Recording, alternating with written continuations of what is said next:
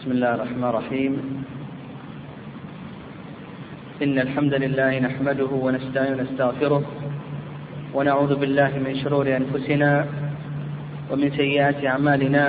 من يهده الله فلا مضل له ومن يضلل فلا هادي له. وأشهد أن لا إله إلا الله وحده لا شريك له وأشهد أن محمدا عبده ورسوله. وبعد تقدم لنا في الدرس السابق تعرضنا لما يتعلق بزكاة الأسهم والسندات تكلمنا عن زكاة السندات وأن السندات في حقيقتها عبارة عن قروض بفوائد وتكلمنا عن المسائل التي تبنى عليها هذه المسألة وهي ما يتعلق بزكاة الدين في أقسامه الثلاثة. وتلخص لنا أن هذه السندات هي قروض على ملك فتجب فيها الزكاة إلا ما يتعلق بفوائدها المحرمة فإن الزكاة لا تشرع فيها. وأيضا تكلمنا عن زكاة الأسهم وتبين لنا أن زكاة الأسهم تنقسم إلى ثلاثة أقسام. القسم الأول أن يكون المساهم هو المزكي واشترى هذه الأسهم ليفيد من ريعها ويجني من أرباحها. فهذا بحسب نشاط الشركة. إن كانت الشركة تجارية فإنه يخرج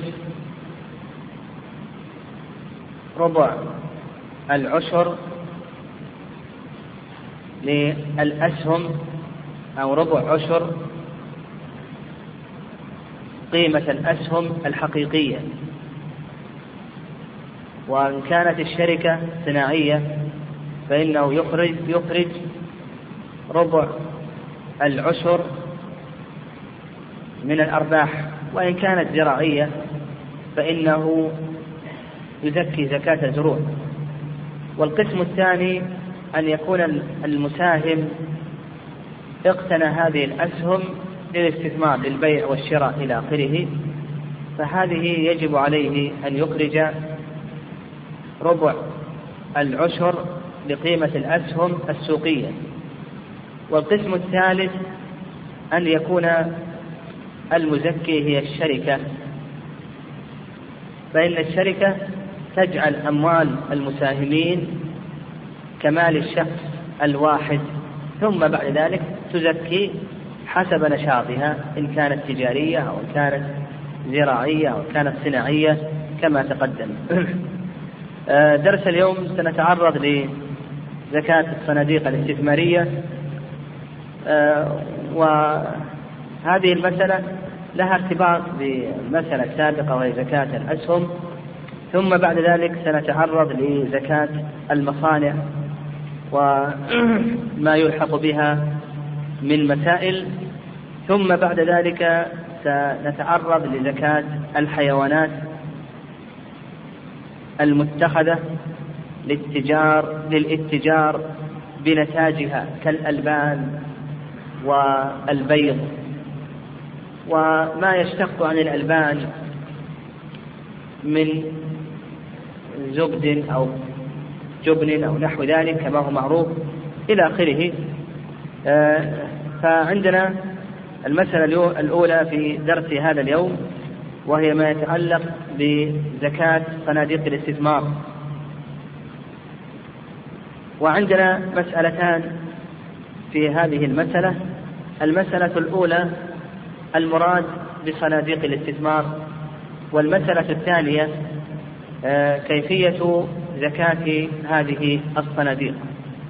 فنقول صناديق الاستثمار عرفت بأنها صناديق بأنها وعاء للاستثمار. عرفت بأنها وعاء للاستثمار له ذمة مالية مستقلة يهدف إلى تجميع الأموال واستثمارها في مجالات متعددة. صناديق الاستثمار وعاء للاستثمار. له ذمة مالية مستقلة. يهدف إلى تجميع الأموال واستثمارها في مجالات متعددة. وتدير هذه الصناديق شركة استثمار. تدير هذه الصناديق شركة استثمار. هذه هذا ما يتعرف وهناك تعاريف أخرى لكن نقتصر على هذا التعريف. المسألة الثانية آه، زكاة الصناديق الاستثمارية. نقول هذه الصناديق لا تخلو من أمرين. الأمر الأول الأمر الأول أن يكون استثمارها في نشاط معين مثل النشاط الصناعي أو الزراعي. فهذه حكم زكاتها حكم زكاة هذا النشاط كما تقدم. نقول القسم الأول أن يكون استثمارها في نشاط معين. كالنشاط الزراعي أو الصناعي فحكم زكاتها حكم زكاة هذا النشاط كما تقدم لنا. فإذا كان نشاطها صناعيا فإن الزكاة على صافي الأرباح ربع العشر. وإن كان نشاطها زراعيا فزكاتها زكاة زروع. العشر أو نصف العشر. هذا القسم الأول. القسم الأول أن يكون استثمارها في نشاط معين كالنشاط الصناعي أو الزراعي إلى آخره فزكاتها كما أسلفنا.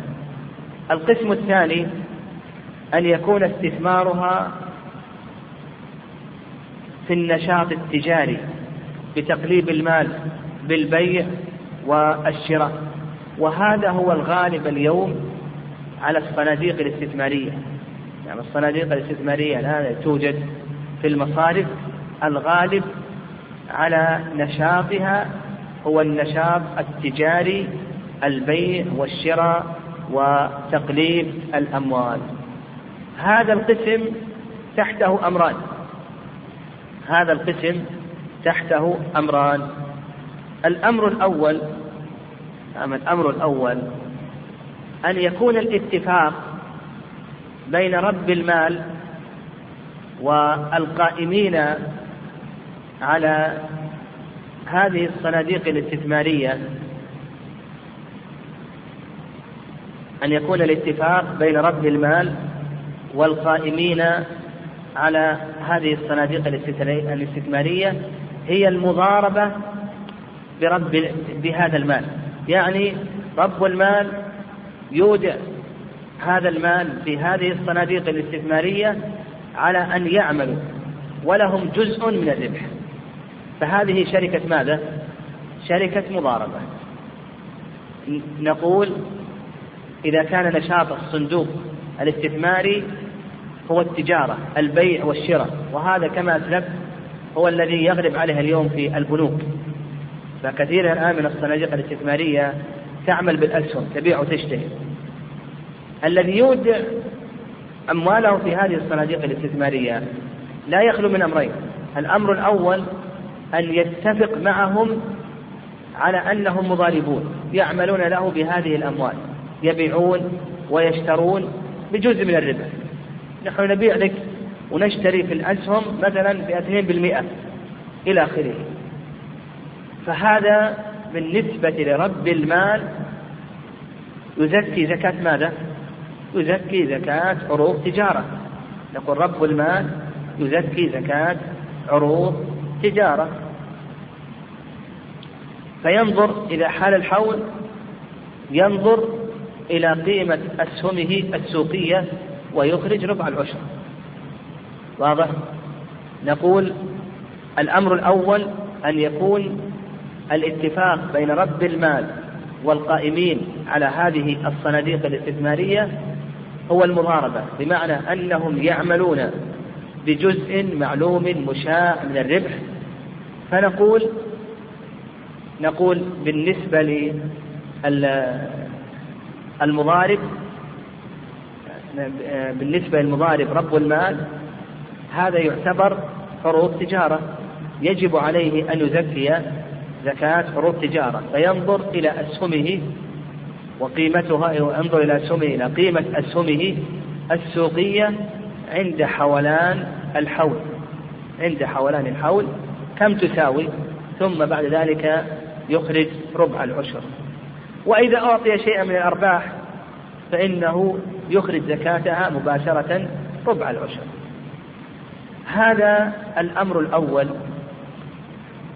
الأمر الثاني أن تكون حقيقة العلاقة بين المضارب أن تكون حقيقة العلاقة بين رب المال والقائمين على هذه الصناديق هي الوكالة. بمعنى أنه يوكلهم بالعمل في هذا المال بجزء. يوكلهم على هذا على العمل بهذا المال بجزء. يعني اعملوا لي وبيعوا واشتري وأعطيكم كذا وكذا إلى آخره. فهذا بالنسبة هو في الحقيقة الرأي القسم الأول. إذا كانت العلاقة بين رب المال والقائمين على الصناديق الاستثمارية هي المضاربة قلنا ما يتعلق برب المال هذا يزكي زكاة ماذا؟ يزكي زكاة عروض تجارة. لكن بالنسبة للقائمين على هذه الصناديق الاستثمارية هذا ينبني على خلاف أهل العلم رحمهم الله. المضارب من أعطي المال هل يجب عليه أن يزكي على الربح أو لا؟ رب المال قلنا يجب عليه أن يزكي عن قيمة الأسهم مع ربحها.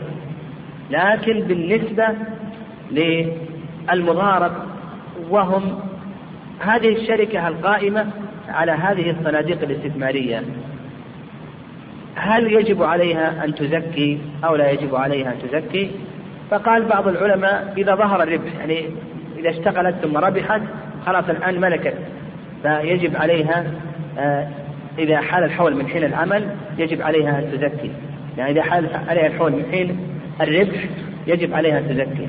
والرأي الثاني المشهور من مذهب الإمام أحمد رحمه الله أنه لا يجب عليها الزكاة حتى تقبض هذا الربح. يعني القائمون على هذه الشركات على هذه الصناديق لا يجب علي لا تجب عليهم الزكاة حتى يقبضوا ويحول الحول على هذا الربح الذي قبضوه. هذا الأمر الأول وهي ما إذا كانت العلاقة بين إذا كانت العلاقة بين رب المال والقائمين على هذه الصناديق هي المضاربة. القسم الثاني أو الأمر الثاني أن تكون العلاقة بين رب المال والقائمين على هذه الصناديق هي الوكالة بمعنى أنه يوكلهم في العمل بأمواله إلى آخره. فنقول أما بالنسبة لرب المال فيزكي زكاة ماذا؟ أما بالنسبة لرب المال نقول بأنه يزكي زكاة عروض تجارة. فينظر إلى قيمة الأسهم السوقية ويخرج ربع العشر. وإذا قبض شيئا من الربح أخرج ربع عشره لأن الربح هذا حوله حول الأصل. فإذا حال الحول على الأصل آه، الربح حوله حول أصله. فحكم هذا الأمر بالنسبة لرب المال هو حكم الأمر السابق. أما بالنسبة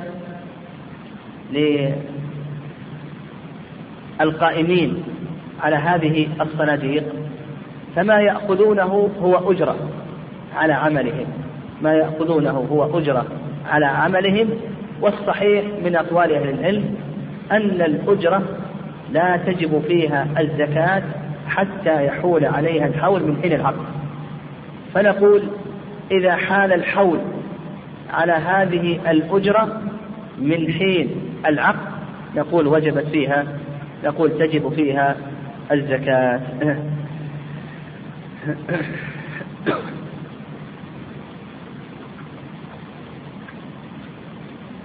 عندنا المسألة الثانية وهي ما يتعلق بزكاة المصانع وزكاة المصانع فيها أربع مسائل أو خمس مسائل. آه، الفقهاء في الزمن السابق تحدثوا عن زكاة المستغلات والمراد بالمستغلات هي كل أصل ثابت يدر, يدر دخلا متجددا. أو نقول يدر دخلا تتجدد منفعته. المستغلات هي كل أصل ثابت يدر دخلا تتجدد منفعته. وفي زماننا هذا فاض الفقهاء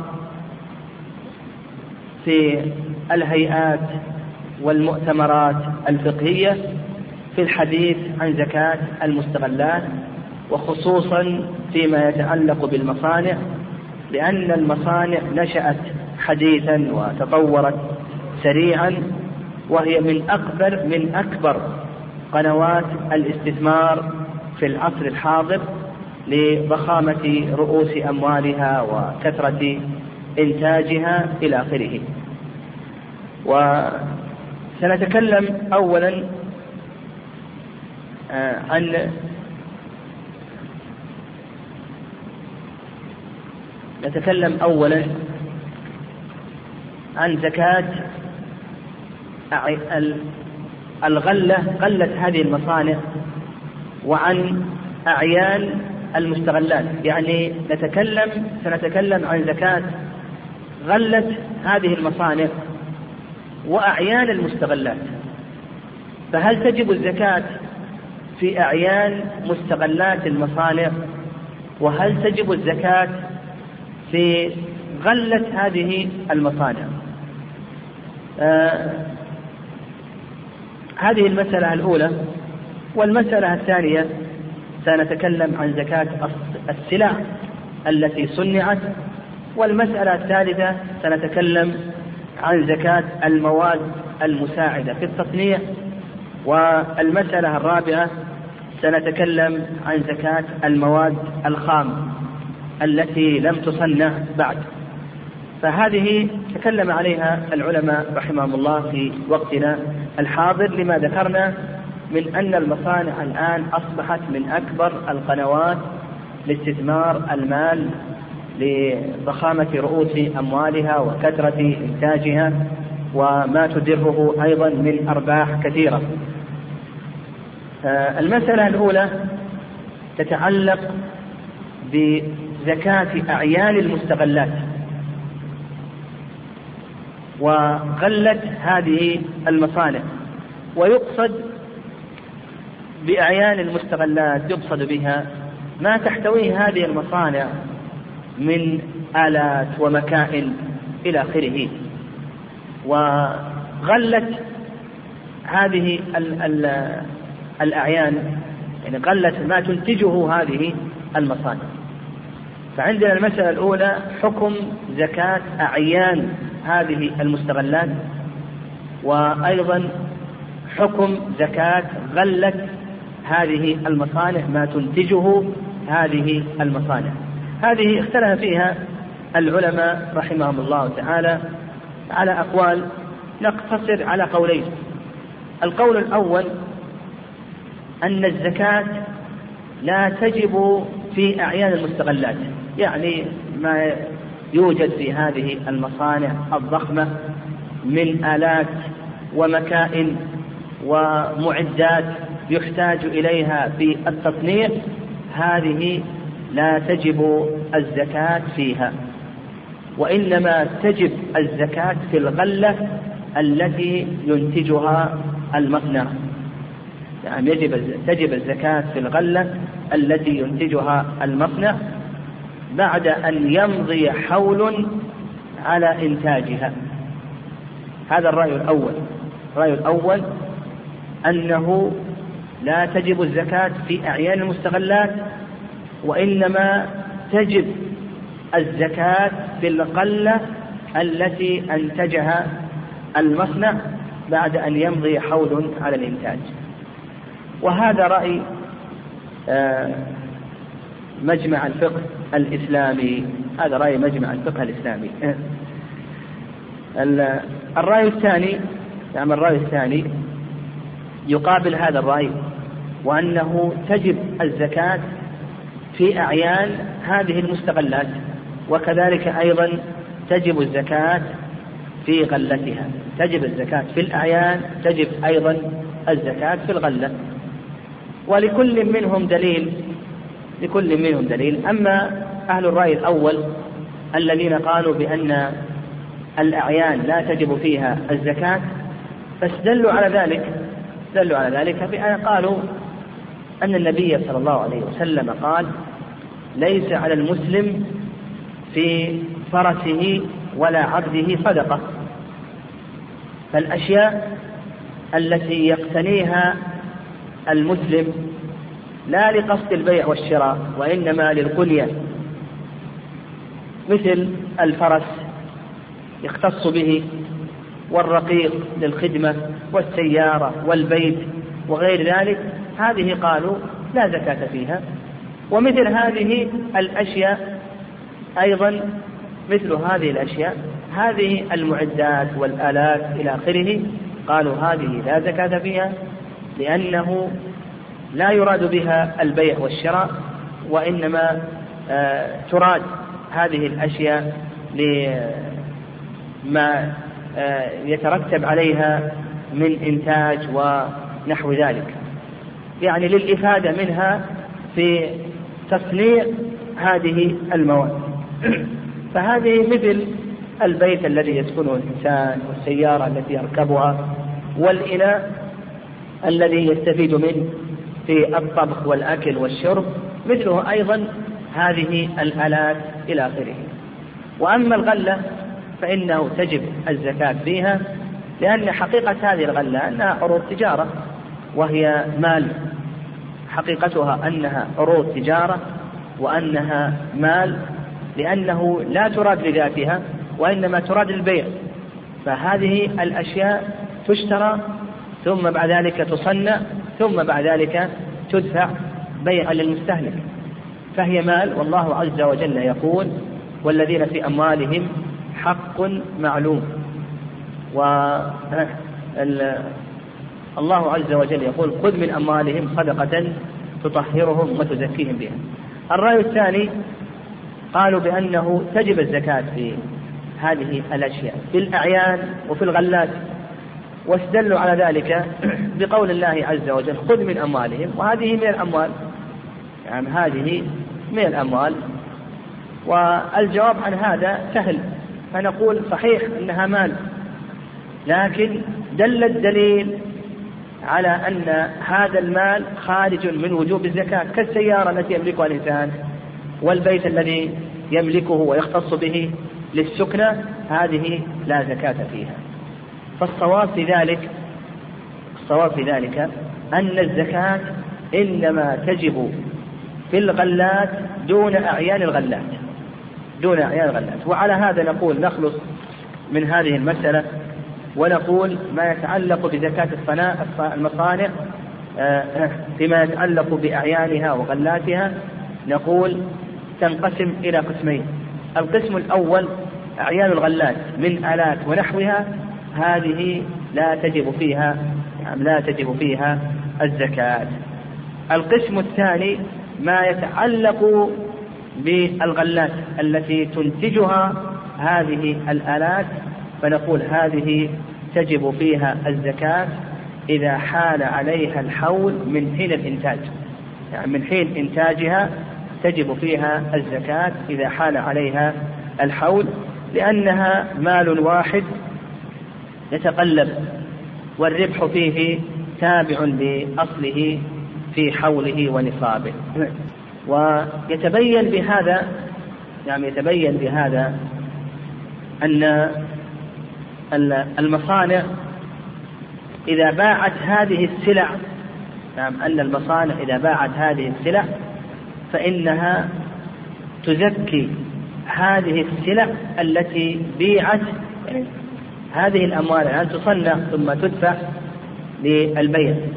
فنقول تزكي هذه السلع التي بيعت إذا حال عليها الحول من حين الإنتاج. إذا حال عليها الحول من حين الإنتاج فينظر إلى أرباح هذه المصانع. صافي الأرباح من حين الإنتاج إذا حال عليها الحول ويخرج ربع العشر يخرج ربع العشر آه زكاة تجارة. آه هذه هي المسألة الأولى. المسألة الثانية زكاة السلع المصنعة. نعم زكاة السلع المصنعة.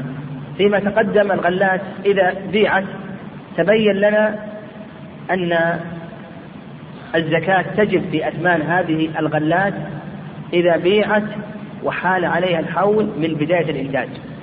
إذا بيعت وحال عليها الحول من بداية الإنتاج فإنه يجب الزكاة في هذه الأرباح وقدر الزكاة قدر زكاة تجارة لأن هذه الأشياء لا تراد لذاتها وإنما تراد البيع ففيها ربع العشر. المسألة الثانية إذا كان هناك سلع أنتجت ولم تبع كانت تكون في المستودعات حتى الآن فهل تجب فيها الزكاة أو لا تجب فيها الزكاة؟ إلى آخره. هذا موضع خلاف بين المتأخرين. فالرأي الأول نعم الرأي الأول أنه تجب فيها الزكاة وهذا ما عليه الأكثر. الأكثر قالوا بأن هذه السلع التي صنعت وإن لم تبع فإنه تجب فيها الزكاة لأنها عروض تجارة تراد للبيع الآن. فإذا بقيت حولا من حين إنتاجها فإنه يجب أن أن يخرج فيها ربع العشر. وهذا ما عليه أكثر المتأخرين وذهب بعض المتأخرين إلى أنه لا تجب الزكاة في مثل هذه البضائع التي لم تباع الآن. والصواب في هذه المسألة ما ذهب إليه الأكثر وأنه تجب فيها الزكاة إذا صنعت وحال عليها الحول من إنتاجها فتقدر كم قيمتها ويخرج ربع العشر. المسألة الثالثة زكاة المواد الخام. زكاة المواد الخام. ويقصد بالمواد الخام المواد الأولية التي تتركب منها السلع المصنعة. يقصد بها المواد الأولية التي تتركب منها السلع المصنعة مثل الحديد للسيارات والقطن والصوف للمنتوجات إلى آخره. فهل تجب الزكاة في هذه المواد؟ يعني لو اشتري حديد لكي نصنع آلات أو اشترينا خشبا لكي نعمل دواليب أو اشترينا ألمنيوم لكي نعمل أبواب ونوافذ إلى آخره فهل تجب الزكاة في هذه المواد الخام التي الآن اشتريت أو لا تجب عليها الزكاة؟ الرأي الأول أما الرأي الأول أنه تجب فيها الزكاة. يعني الرأي الأول تجب فيها الزكاة. وهذا قول أكثر المعاصرين وبه أفتت الندوة السابعة لقضايا الزكاة المعاصرة في الكويت. القول الأول أنه تجب فيها الزكاة وهذا قول أكثر المعاصرين وبه أفتت الندوة السابعة لقضايا الزكاة المعاصرة آه، المنعقدة في الكويت. آه، والرأي الثاني نعم الرأي الثاني أنه لا تجب الزكاة فيها. ولكل منهم لكل منهما دليل نعم لكل منهما دليل. أما الذين قالوا بأنها تجب الزكاة فقالوا بأن هذه المواد الخام لا تقصد لذاتها وإنما الأعمال بالنيات هي مقصود بها البيع والشراء. يقصد بها أن تباع ولا يقصد ذاتها. يقصد أن تصنع وأن تباع. فهي داخلة في عروض التجارة. يعني داخلة في عروض التجارة. آه، فتجب فيها الزكاة. وحولها حول أصلها لأن عروض التجارة مبني على التقريب والاستبدال. فإذا كان عنده أموال وهذه الأموال ابتدى عليها الحول واشترى موادا مواد خام لكي يصنعها فإن هذه المواد الخام حولها حول الأصل يبني على حول الأموال السابقة لأن هذه الأموال لا تراد لعينها وإنما تراد لقيمتها. القول الثاني قالوا لا تجب فيها الزكاة هذه المواد لأنه لأنها لا تراد للبيع وإنما تراد للتصنيع. وهذا غير مسلم الصواب أن هذه الأموال هي مرادة للبيع فالمصنع إنما اقتنى هذه الأشياء لكي آه، يصنعها على شيء على شكل آخر ثم بعد ذلك يبيعها على المستهلك. المسألة الأخيرة آه، آه، وهي زكاة المواد المساعدة في التصنيع. نعم زكاة المواد المواد المساعدة في التصنيع ويراد بالمواد المساعدة في التصنيع ما لا يدخل يعني المواد التي لا تدخل في تركيب المصنوعات ولكن يحتاج إليها. يراد بها المواد التي لا تدخل في تركيب المصنوعات ولكن يحتاج إليها في التصنيع كمواد التشغيل والصيانة مثل الوقود ومثل الزيوت ونحو ذلك. الوقود والزيوت ونحو ذلك. فإذا اقتنيت مثل هذه الأشياء اقتنى كميات كبيرة من الزيت أو من البنزين أو مثلا من الغاز أو نحو ذلك من الأشياء التي لا تدخل في مواد التصنيع لا يتركب منها السلعة المصنعة لكن يحتاج إليها في تشغيل الآلات. فهل تجب فيها الزكاة؟ هذه الأشياء أو لا تجب فيها الزكاة إلى آخره؟ نعم هل تجب فيها الزكاة؟ أو نقول لا تجب فيها الزكاة؟ نقول مثل هذه الأشياء هذه لا تجب فيها نعم لا تجب فيها الزكاة. فهي كالأصول الثابتة كما تقدم آه، لنا وهذا قول أكثر المتأخرين. فنقول مثل هذه الأشياء آه، التي يحتاج إليها لتشغيل آه، والصيانة ونحو ذلك. نقول هذه لو حال عليها الحول وهي عند الإنسان فإنه لا يجب عليه أن يخرج الزكاة. كذلك أيضا ما تحتاج إليه هذه المصنوعات من العلب والكراتين ونحو ذلك إلى آخره. نقول هذه داخلة في آه، السلع التي تصنع فتجب فيها الزكاة. يعني الأوعية أوعية هذه المنتوجات آه، من الكراتين ومواد البلاستيك والعلب التي توضع فيه هذه الأشياء. نقول هذه تجب فيها الزكاة. المسألة الثالثة أو الرابعة في درس هذا اليوم حفر الآبار للفقراء من الزكاة. وهذا يوجد اليوم عند كثير من الجمعيات الخيرية وخصوصا الجمعيات الخيرية التي تعمل آه، خارج البلاد وتحتاج أو يحتاج المسلمون في تلك البلاد إلى حفر آبار. فهل لهذه الجمعيات الخيرية أن تقوم بحفر آبار من الزكاة أو لا؟ هذه المسألة تنبني على شرط ذكره العلماء رحمهم الله. فقالوا بأنه يشترط قالوا بأنه يشترط في الزكاة أن يملك الفقير. لا بد من تمليك الفقير للزكاة. ويدل لهذا قول النبي عليه الصلاة والسلام تؤخذ من أغنيائهم وترد على فقرائهم. أخذت من الأغنياء وردت على الفقراء. وعلى هذا لو أن الغني صنع طعاما وقال للفقراء كلوا. هل يجزئه ذلك عن الزكاة أو لا يجزئه؟ قالوا لا يجزئه ذلك، لماذا؟ لأن هذا ليس فيه تمليكا لهم. هذا ليس فيه تمليكا لهم. هذه المسألة حفر الآبار من الزكاة هذه تنبني على هذه المسألة وتنبني على مسألة أخرى وهي أن الزكاة لها مصارف محددة في الشرع بينها الله عز وجل في كتابه فإذا حفرنا بئرا مثلا بعشرة آلاف ريال من الزكاة.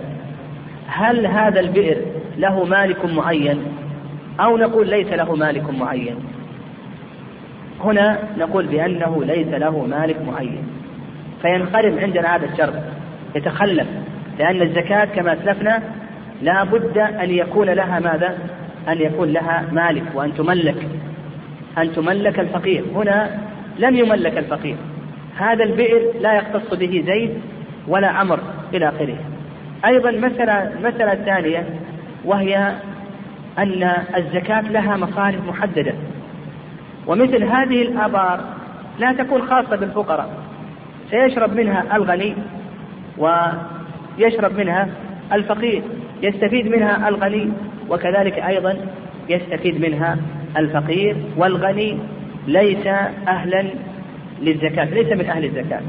وبهذا يتبين يتبين أن حفر الآبار من الزكوات أنه غير جائز لما ذكرنا من الأمرين. الأمر الأول أنه لا بد من تمليك الفقير لهذا المال.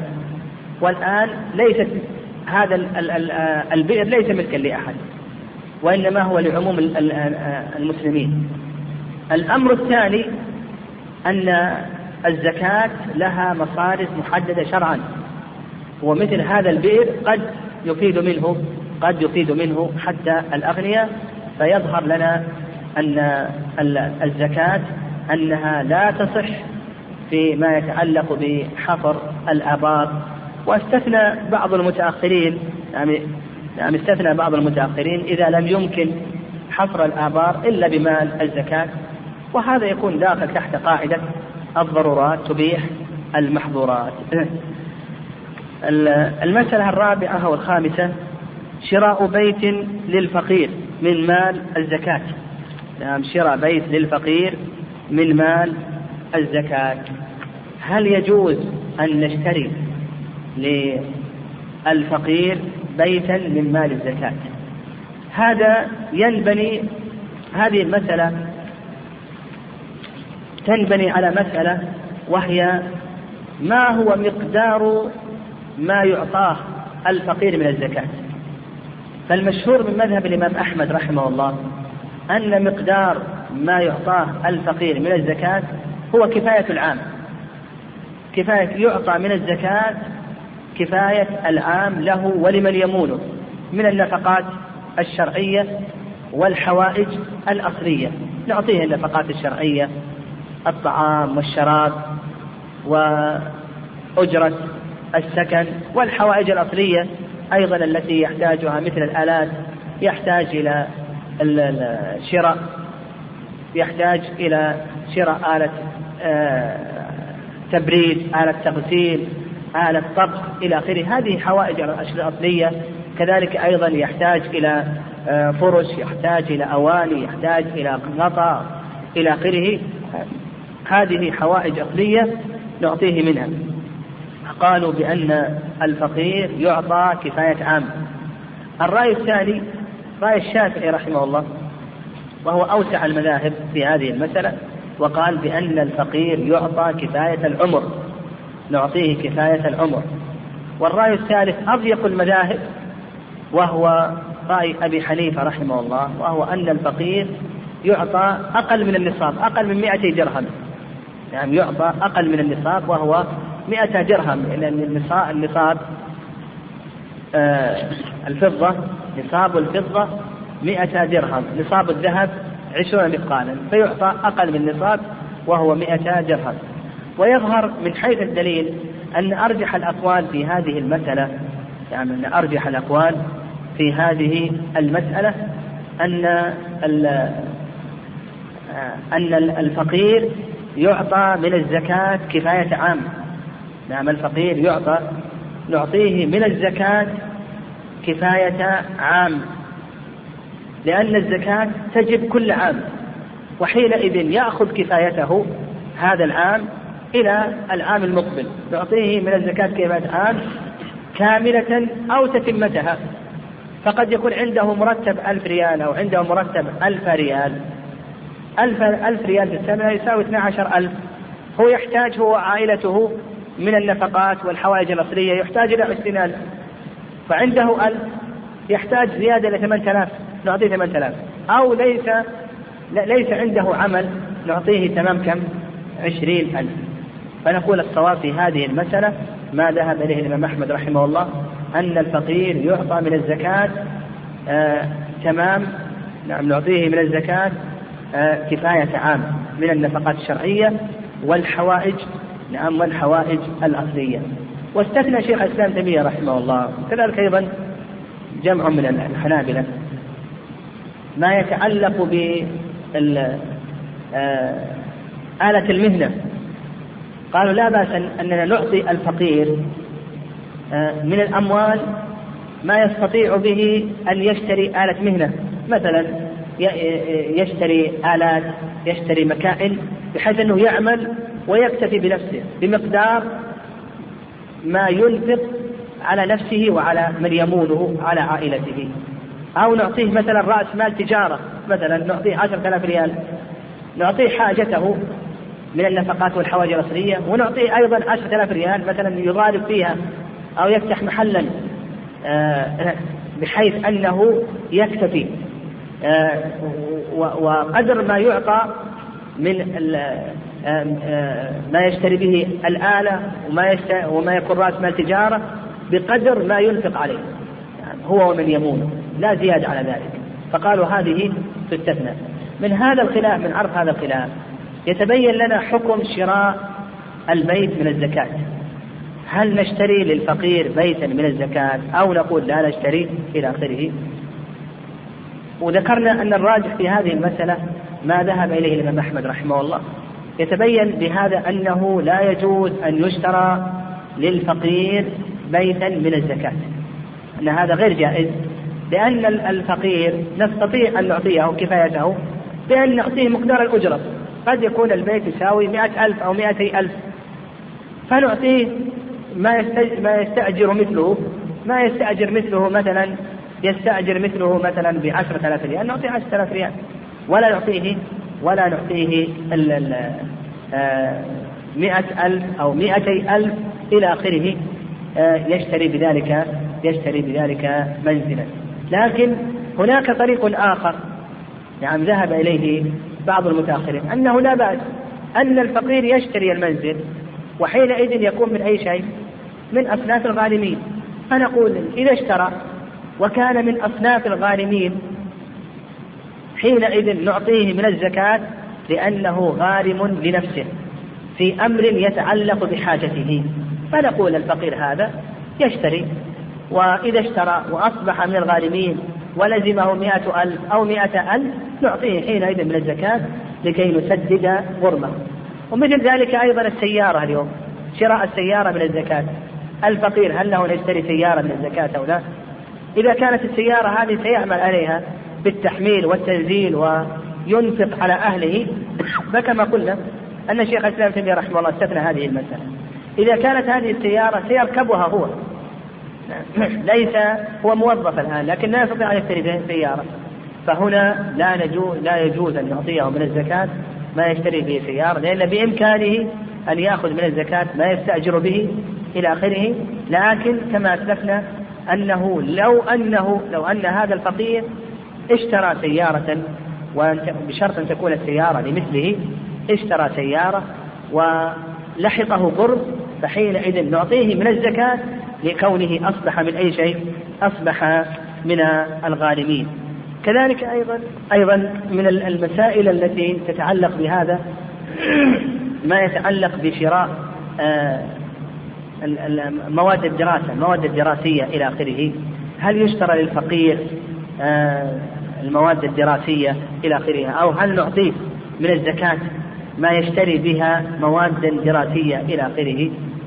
تكاليف الدراسة إلى آخره. نقول هذا جائز ولا بأس به. فلا بأس أن نعطي الفقير آه، آه، زكاة ويقوم بشراء تكاليف الدراسة إلى آخره لأن هذا داخل في أي شيء؟ في الحوائج الأصلية. هذا داخل في الحوائج الأصلية. وكما أسلفنا أنه يعطى من الزكاة آه، ما يحتاج إليه لمدة عام من النفقات الشرعية وكذلك أيضا الحوائج. كذلك أيضا الحوائج الأصلية. فنقول لا بأس أن يعطى آه، ما يشتري به هذه النفقات إلى آخره. وقد نص العلماء رحمهم الله على أن طالب العلم إذا تفرغ لطلب العلم وترك العمل فإنه يعطى من الزكاة. وكذلك أيضا نص على أنه يعطى من الزكاة ما يشتري به كتبا يحتاج إليها في طلبه في العلم. يعني يعطى من الزكاة ما كتبا يحتاج إليها في طلبه للعلم. المسألة الأخيرة في درس هذا اليوم صرف الزكاة لعلاج الفقراء. نعم صرف الزكاة لعلاج الفقراء. هل هذا جائز أو ليس جائزا؟ آه ومن المعلوم اليوم أن سبب آه ترقي الطب ووجود المصحات الكثيرة وخصوصا المصحات التجارية وهذه المصحات قد تطلب أموالا لا يستطيعها الفقراء إلى آخره آه،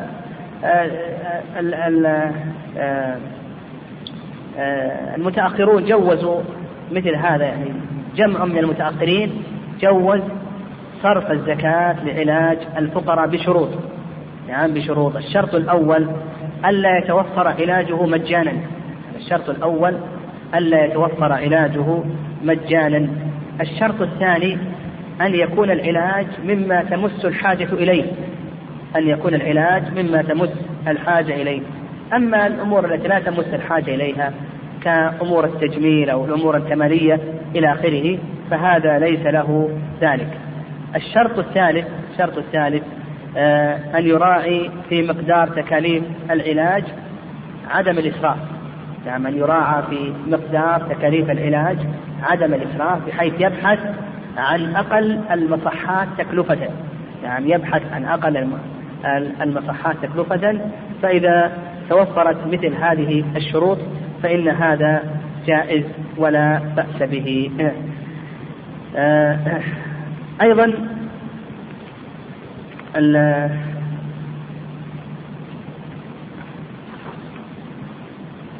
أيضا من المسائل المهمة ومن المسائل النوازل المهمة وهي ما يتعلق بالعاملين على الزكاة. العاملون على الزكاة صنف من أصناف الزكاة واليوم توجد كثير من الجمعيات الخيرية. وهذه الجمعية الخيرية تحتوي كثيرا من الموظفين تحتوي كثيرا من الموظفين وقد تحتوي أيضا آه، آه، آه، تحتوي كثير من الموظفين إلى آخره وقد تحتوي أيضا موظفات يحتاج إليهن في ما يتعلق بجلب الزكاة. فهل يجوز لهذه الجمعيات الخيرية أن تعطي هؤلاء الموظفين الذين تحت إدارتها؟ هل يجوز أن تعطيهم من الزكاة؟ أن تصرف لهم رواتب من الزكاة؟ أو أن تعطيهم نسبا عند جلبهم لهذه الزكاة إلى آخره؟ أولا العاملون على الزكاة ما المراد بهم؟ يعني ما المراد بالعاملين على الزكاة؟ آه، الفقهاء يتفقون على أن المراد بالعاملين على الزكاة هم السعاة الذي ينصبهم الإمام لجمع الزكاة من أهلها هم السعاة الذين ينصبهم الإمام لجمع الزكاة من أهلها. فنأخذ من هذا أنه يشترط في العاملين أو في العامل أن يكون من أي شيء؟ ممن ولاه الإمام. يعني ممن نصبه الإمام. وعلى هذا لا يدخل في العاملين لا يدخل في العاملين من يوليه أحد الناس. فلو أن شخصا أعطاك عشرة آلاف ريال على أن تقوم بتوزيعها أو أنت ذهبت إلى زيد من الناس التاجر وأخذت منه مثلا عشرة آلاف ريال وقمت بتوزيعها إلى آخره فهل يجوز لك أن تأخذ شيئا من هذا من هذه الزكاة مقابل أنك جبيتها وفرقتها وبحثت عن المستحقين؟ يقول ليس لك ذلك. يشترط في العاملين أن يكون أن أن يكون أن يكون ممن نصبه الماء الإمام الإمام الأعظم وعينه وحينئذ أو نقول عموما الدولة عينت وحينئذ ما آه، يوليه أفراد الناس وأحادهم يقول هذا ليس داخلا في العاملين على الصدقة. آه، العاملون على الصدقة يختلف في تفسير لما فهمنا الآن أنه لا بد أن يكون ممن ولاه الإمام آه، يختلف الجمهور بعد اتفاقهم على أنه لا بد أن يكون من قبل الإمام يختلفون في تفسيره تفسير العامل. بين موسع وهم جمهور أهل العلم وبين مضيق وهم الحنفية حنفية يضيقون العامل. وأما الجمهور فإنهم يوسعون العامل وكما ذكر ابن قدامة رحمه الله تعالى قال هم السعاة الذين يبعثهم الإمام لأخذها من أربابها. يشمل السعاة؟ لأخذها من أربابها. وجمعها وحفظها ونقلها ومن يعينهم ممن يسوقها إذا كانت ماشية. ويرعاها ويحملها. وكذلك أيضا الحاسب والكاتب والكيال والوزان والعداد وكل من يحتاج إليه فيها.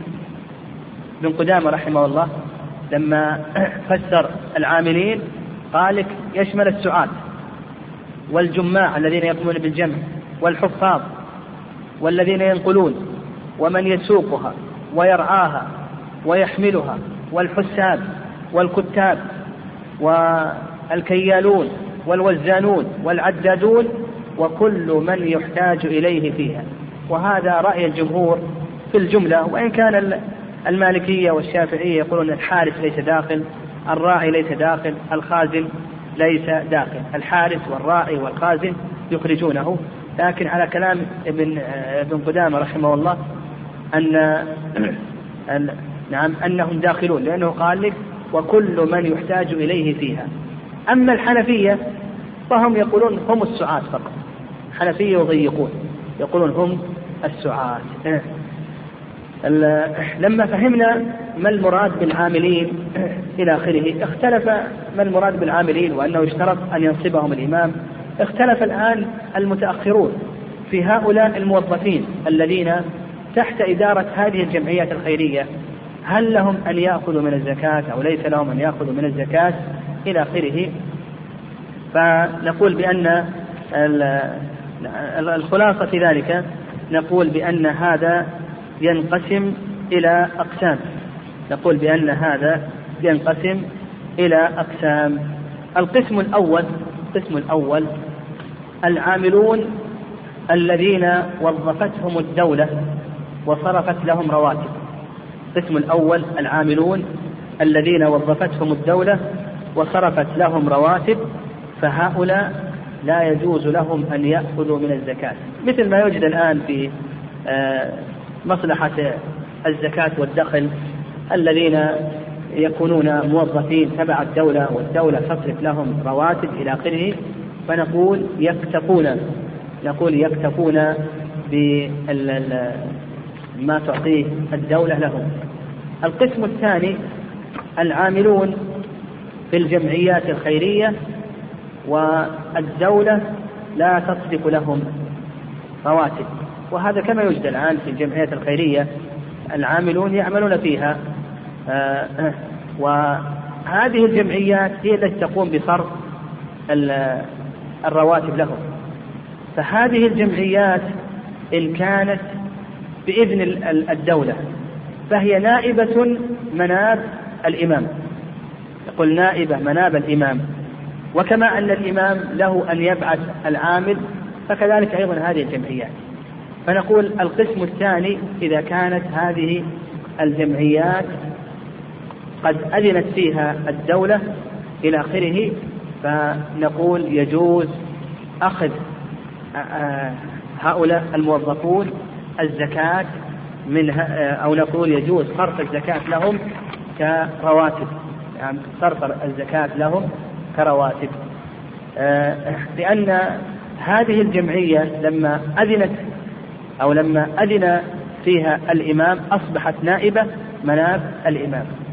القسم الثالث الجمعيات التي آه، لم تأذن فيها الدولة وإنما اجتهاد من جمع من الناس فأنشأوا هذه الجمعية وقاموا بجمع الأموال إلى آخره فنقول هؤلاء لا يجوز للعاملين تحت إدارتها أن يأخذوا من الزكاة وإنما لا بأس أن يعطوا من الصدقات. يعني أن يعطوا من الصدقات. فأصبحت الأقسام تنقسم إلى هذه الأقسام. والله أعلم صلى الله عليه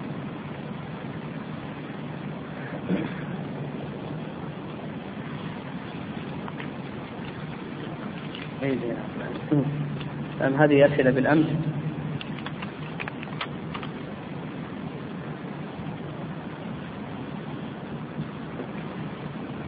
هذا سبق الجواب عليه.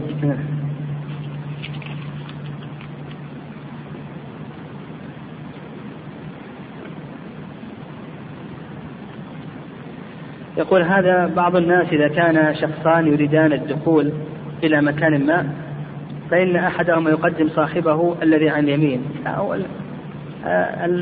الصحيح أنه يقدم الأفضل. يعني الصحيح أنه يقدم الأفضل. يقول هل هناك ضوابط شرعية يجب أن تنضبط بها الدول عند إصدار العمرات العملات؟ لكي تكون شرعية؟ لا نقول الآن العملات ما دام أن الدولة تعترف بها وتقوم بحمايتها فالناس الآن يثقون فيها. فهي الآن التعامل بها تعامل شرعي.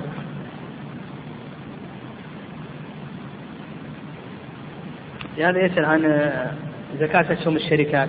تكلمنا عليه.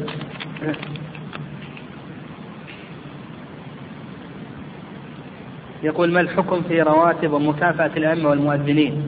مكافأة الجامعة تكلمنا عليها. تكلمنا عن زكاة الراتب الشهري. يقول ما أفضل المصادر في فقه النوازل؟ يقول أفضل المصادر هناك مجلة مجمع الفقه الإسلامي فيها كثير من البحوث والقرارات وفيها أيضا قرارات مجمع الفقه الإسلامي أيضا برابطة العالم الإسلامي. وفيها أيضا مجلة البحوث المعاصرة أو مجلة نعم مجلة البحوث المعاصرة إلى آخره. وفيه أيضا الآن يعني كثير من المجلات الشرعية تعنى بهذه النوازل يعني تعنى بهذه النوازل فما تصدره الهيئات والمؤتمرات إلى آخره من بحوث وقرارات هذه من أهم المصادر. كذلك أيضا المجلات آه، كذلك أيضا آه، ما تصدره المجامع إلى آخره. هل تكتب الدروس في مذكرات؟ وفي العادة أنها تكتب. ما أدري أحد يكتب الدروس هذه ولا نكلف أحد. في أحد كتب الدروس؟ وفي العادة أنها تكتب. كتبتها زين جزاك الله خير. فأنت إذا خلصت جزاك الله خير. تعطي نسخة المؤسسة ونسخة بمكان التصوير لأن الناس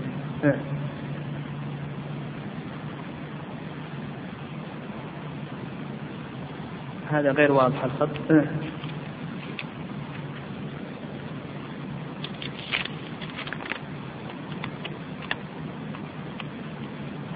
يقول بالنسبة للكراتين هل الزكاة تجب على صانع الكرتون أم المشتري؟ لا هو المصنع يجب عليه أنه يزكي. والمشتري إذا اشتراها أصبحت الآن عروض تجارة بالنسبة له. يقول استدان من أجل الزواج وما يكلفه من مهر وتأثير هل له أن يأخذ من الزكاة؟ هذه سنتعرض لها إن شاء الله. يعني أخذ الزكاة لأجل الزواج إن شاء الله غدا بإذن الله. هل يزكى على سيارات المصنع وسيارات نقل البضائع؟ تكلمنا عليها هذه. قلنا أعيان المستغلات ما يزكى عليها. الآلات والمكائن وآلات النقل هذه كلها لا زكاة فيها.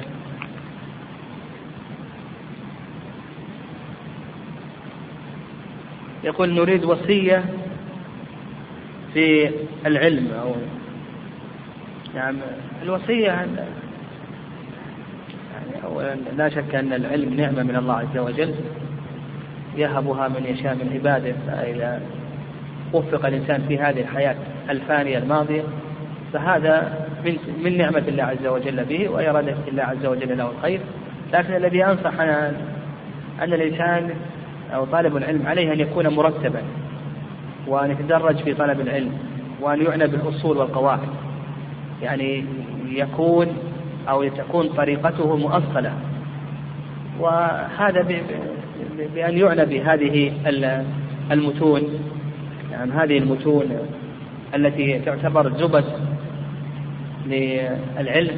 فمثلا كتاب التوحيد والعقيدة الواسطية ولمعة الاعتقاد والأصول الثلاثة يضبطها في الفقه الزاد زاد المستقنع يعني ليس بضرورة. حتى لو درس مثلا من متون الشافعية أو مثلا من متون الحنفية أو المالكية. المهم إنه لأن لأن مثل هذه المتون هي عبارة عن وسائل وليست مقاصد لكي يفهم مراد الله مراد رسوله صلى الله عليه وسلم. في التفسير أيضا تفسير ابن كثير أو مختصر من مختصراته. وهكذا قل في بقية الفنون